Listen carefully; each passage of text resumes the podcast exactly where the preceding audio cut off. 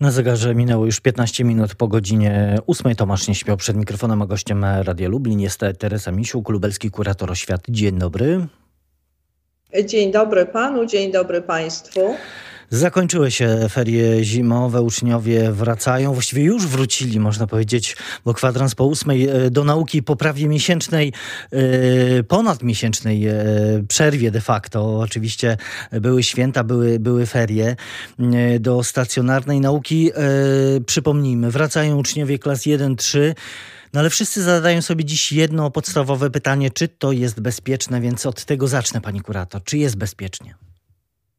E, panie redaktorze i szanowni państwo, dyrektorzy szkół, którzy odpowiadają za ich organizację e, pracy w swoich placówkach wspólnie z organami prowadzącymi, także przy takiej wspomagającej e, roli nas jako kuratorium oświaty dołożyli naprawdę wszelkich starań, by rzeczywiście ten powrót uczniów do szkół był absolutnie bezpieczny. W ciągu tego tygodnia poprzedzającego powrót uczniów e, do szkół, a byliśmy w takim bezpośrednim kontakcie z dyrektorami. Tydzień temu odbyła się wideokonferencja, także z udziałem pana ministra Czarnka, także pani inspektor mm, Sanepidu, a wszystko po to, by pomóc dyrektorom szkół we właściwej organizacji pracy szkół, we właściwym zrozumieniu, a wdrożeniu wytycznych sanitarnych ministra edukacji i nauki, ministra zdrowia i głównego inspektora sanitarnego. I właśnie w trakcie tych rozmów, spotkań wiemy, że naprawdę maksymalny wysiłek został włożony w to, by uczniowie do szkół powrócili. Powiedzmy, że mówimy o uczniach klasy pierwszej, drugiej i trzeciej szkoły podstawowej oraz o uczniach szkół, szkół specjalnych. Tak jest. E, no to właśnie e, powiedzmy o tych wytycznych, e, bo ministerstwo je przygotowało wspólnie z Ministerstwem Ministerstwo Edukacji i Nauki, wspólnie z ministrem zdrowia i głównym inspektorem sanitarnym. No i z tych wytycznych wynika, że jednak grupa uczniów może przebywać, czy powinna przebywać w jednej określonej stałej sali. Mm, do tych grup przyporządkowani konkretni nauczyciele bez jakiejś wymiany i, i w, miarę, w miarę możliwości nie będą prowadzić zajęć tych stacjonarnych w innych klasach. Mm, no plus oczywiście te, te wszystkie inne wymogi dotyczące tego reżimu sanitarnego, o którym już mówimy od właściwie blisko, blisko roku. Czy, czy organizacyjnie tutaj też uda się to wszystko zrealizować, te wytyczne?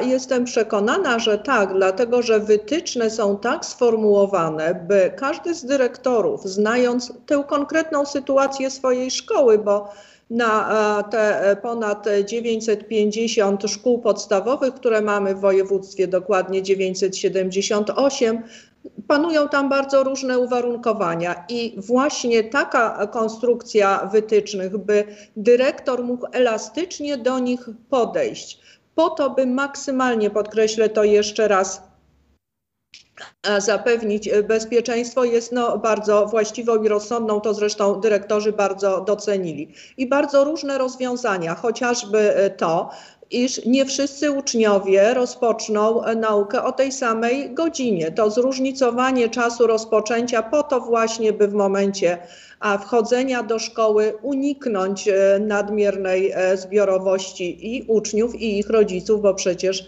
e, bardzo często swoje dzieci odprowadzają do szkoły. Te wytyczne tak naprawdę sprowadzają się do tego, co jak pan redaktor zauważył od właściwie prawie roku, z czym mamy do czynienia, czyli dystans, dezynfekcja i maseczki. Oczywiście w przypadku e, uczniów e, szkół, o których mówimy, dotyczy to przebywania w przestrzeniach e, wspólnych tam, gdzie jest to konieczne. To jest właśnie dezynfekowanie pomieszczeń, to jest przypisanie poszczególnym zespołom klasowym sal lekcyjnych, w których mają zajęcia i to jest właśnie to bardzo rozsądne podejście do obecności nauczycieli. W edukacji wczesnoszkolnej ogromną większość zajęć prowadzi jeden nauczyciel, ale chociażby na język angielski zazwyczaj a przychodzą inni nauczyciele i tutaj też trzeba to w odpowiedni sposób zorganizować i zapewnić to pełne bezpieczeństwo zarówno e, uczniów, e, jak i E, nauczycieli czy pracowników. Po to także zostały przeprowadzone takie badania przesiewowe, testy na obecność koronawirusa. A no właśnie, pani kurator, no bo, no bo to bezpieczeństwo z jednej strony uczniów, ale z drugiej strony bezpieczeństwo nauczycieli jest istotne. E, tak jak pani powiedziała, za nami jest e, ta, ta akcja testowania.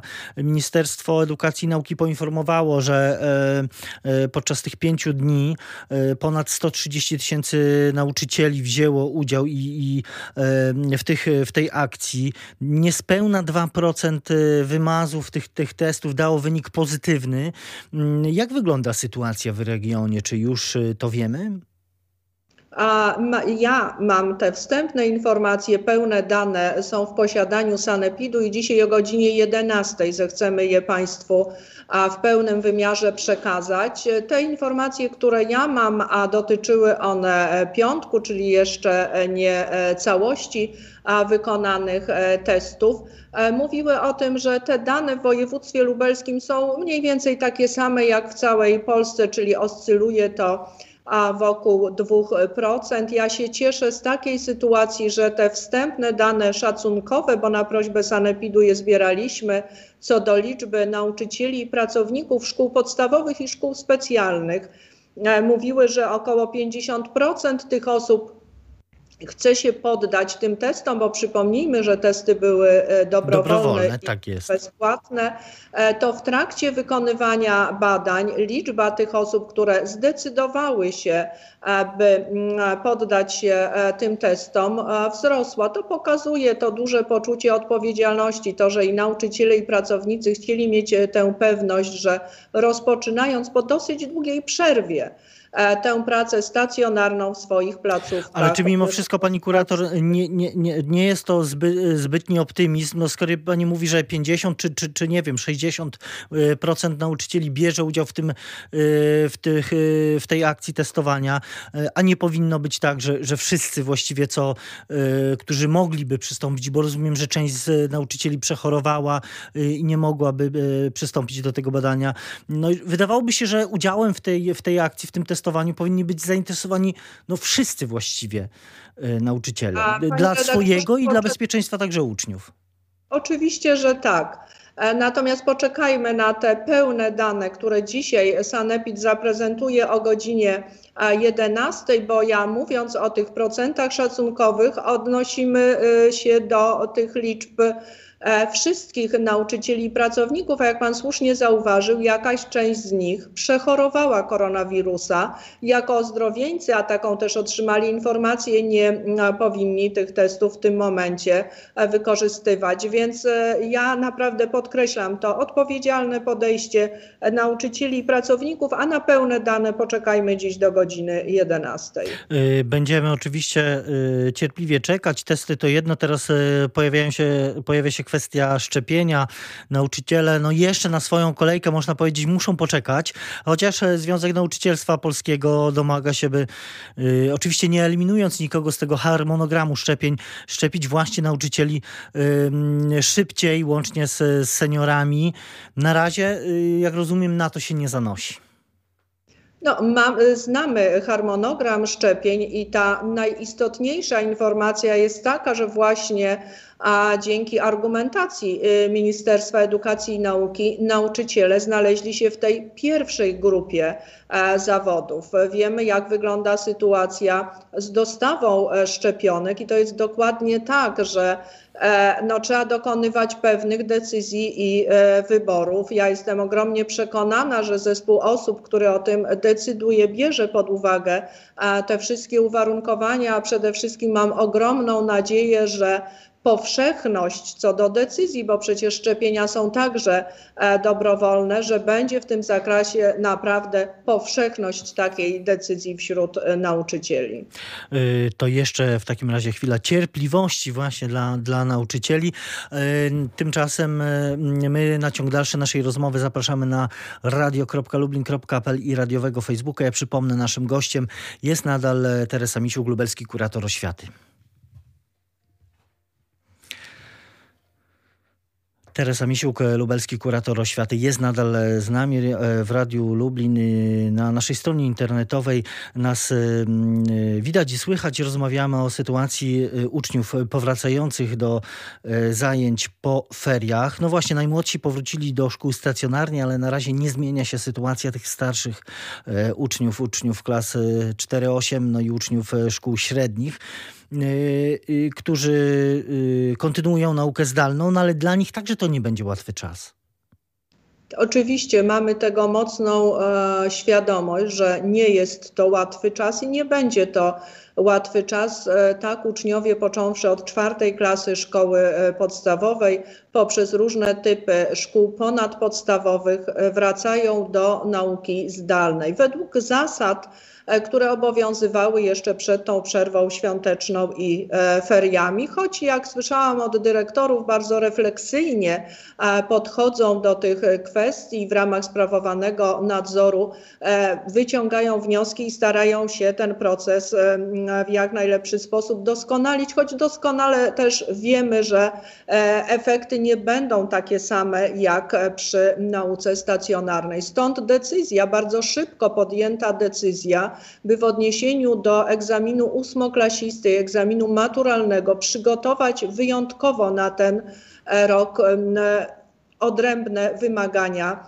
e, egzaminacyjne, według których uczniowie będą się do tych egzaminów przygotowywać. Właśnie w toku są E, Czy to oznacza, bo to pani kurator wie, wielokrotnie się e, e, o to, o to też pytają ludzie, czy to oznacza de facto obniżenie poziomu tego egzaminu i no niektórzy mówią wprost, robienie krzywdy naszym dzieciom.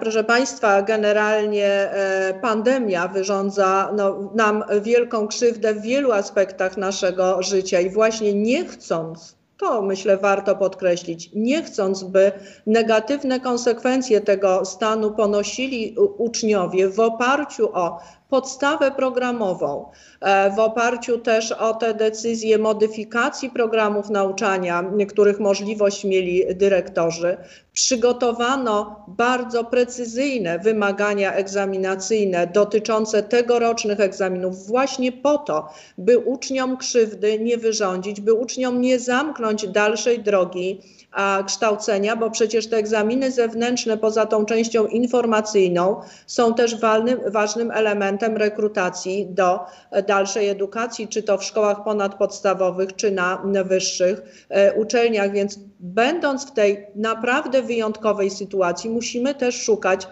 wyjątkowych rozwiązań. E, jeśli chodzi o właśnie te rozwiązania, no to wiemy, że e, szkoły mogą organizować konsultacje z nauczycielami, uczniów z nauczycielami, czy rzeczywiście w każdej szkole, tam gdzie jest to niezbędne, takie, takie konsultacje będą przeprowadzane? Jak to będzie organizowane? Te konsultacje już, możliwość organizacji konsultacji była już przed tą przerwą świąteczną i przed e, feriami. E, I myślę, że to jest właśnie ten aspekt działalności szkoły, który, który został poddany znacznej e, refleksji ze strony dyrektorów. Jest możliwość organizacji konsultacji właśnie dla uczniów klas ósmych i dla maturzystów. Oczywiście znowu z zachowaniem reżimu sanitarnego, dlatego że tutaj kwestie bezpieczeństwa mają e, charakter priorytetowy.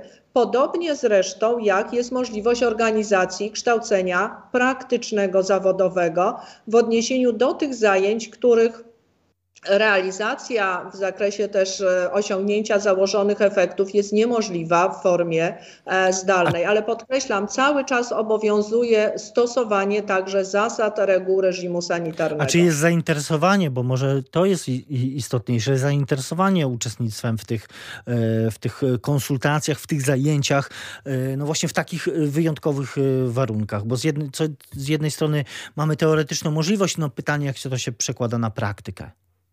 Rzeczywiście to zainteresowanie jest bardzo duże, dlatego że tak jak wielokrotnie powtarzaliśmy, no nauczanie zdalne ma swoje ograniczenia i ten bezpośredni kontakt e, ucznia a z nauczycielem jest niezwykle ważny i e, potrzebny. Stąd też i to duże zainteresowanie zarówno ze strony samych uczniów, jak i ich rodziców. Y, y, powrót y, do szkoły starszych klas, jak zapowiedział minister edukacji Przemysław Czarnek no, będzie zależał od rozwoju sytuacji epidemicznej.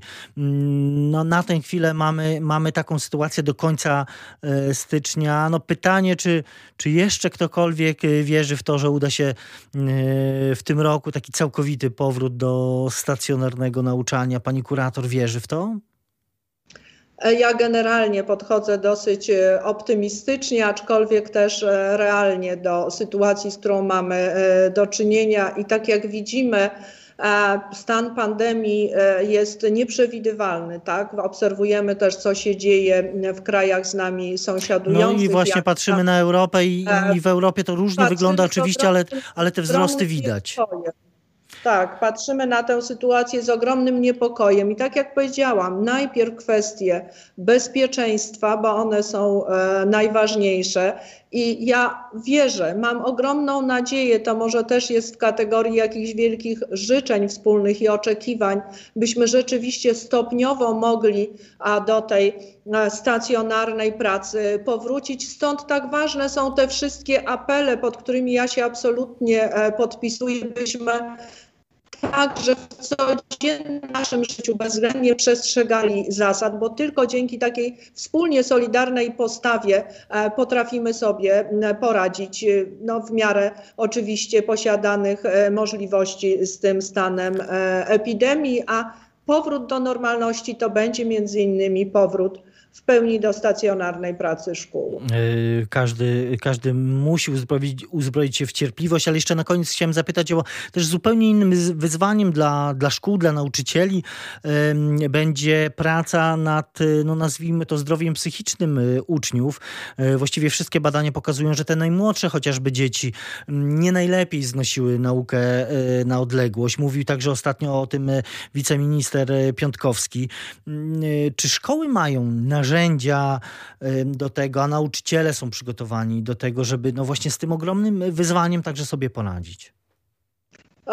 Tak, rzeczywiście jest to duże wyzwanie, przed którym stoimy. Tutaj wielka rola specjalistów, pedagogów, psychologów. Minister Proszę z kolei Czarnek mówił o tym, że mm, no, nastąpi taki moment, w którym trzeba będzie rozwijać e, tę część związaną z funkcjonowaniem poradni e, psychologiczno-pedagogicznych, które, które będą musiały, mm, e, no oby nie, ale na masową pewnie skalę pomagać uczniom. Ale one już naprawdę, ja o tym chcę powiedzieć, bardzo mocno włączyły się w to, by wspomóc zarówno szkoły, ale przede wszystkim właśnie uczniów i ich rodziców.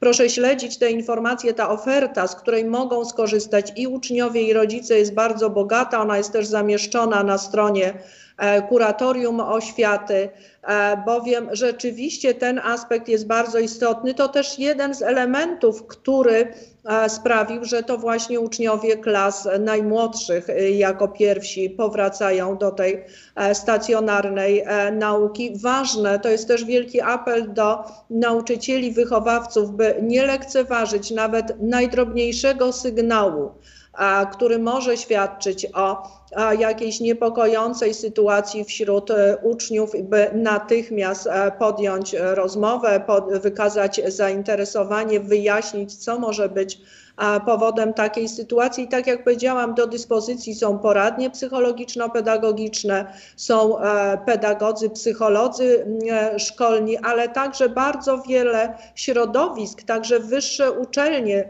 które posiadają w swoim składzie a wydziały pedagogiczne, psychologów deklarują w tym zakresie pomoc, bo wiemy, że jest to właśnie jedna z, jeden z tych elementów ceny, wielkiej ceny, którą płacimy za ten stan pandemii. E, miejmy zatem nadzieję, że e, sytuacja, no o tym mówimy już e, od blisko roku, wróci do normalności. Tej normalności wszyscy potrzebują, potrzebują też jej nasi uczniowie. A o tych nadziejach związanych z powrotem do normalności mówiła Teresa Misiu-Glubelski, kurator oświaty, która była gościem Radia Lublin. Pani kurator, bardzo dziękuję za rozmowę. Dziękuję bardzo i życzę wszystkim spokojnego, dobrego powrotu do nauki i tej stacjonarnej, i tej zdalnej. Bardzo dziękuję.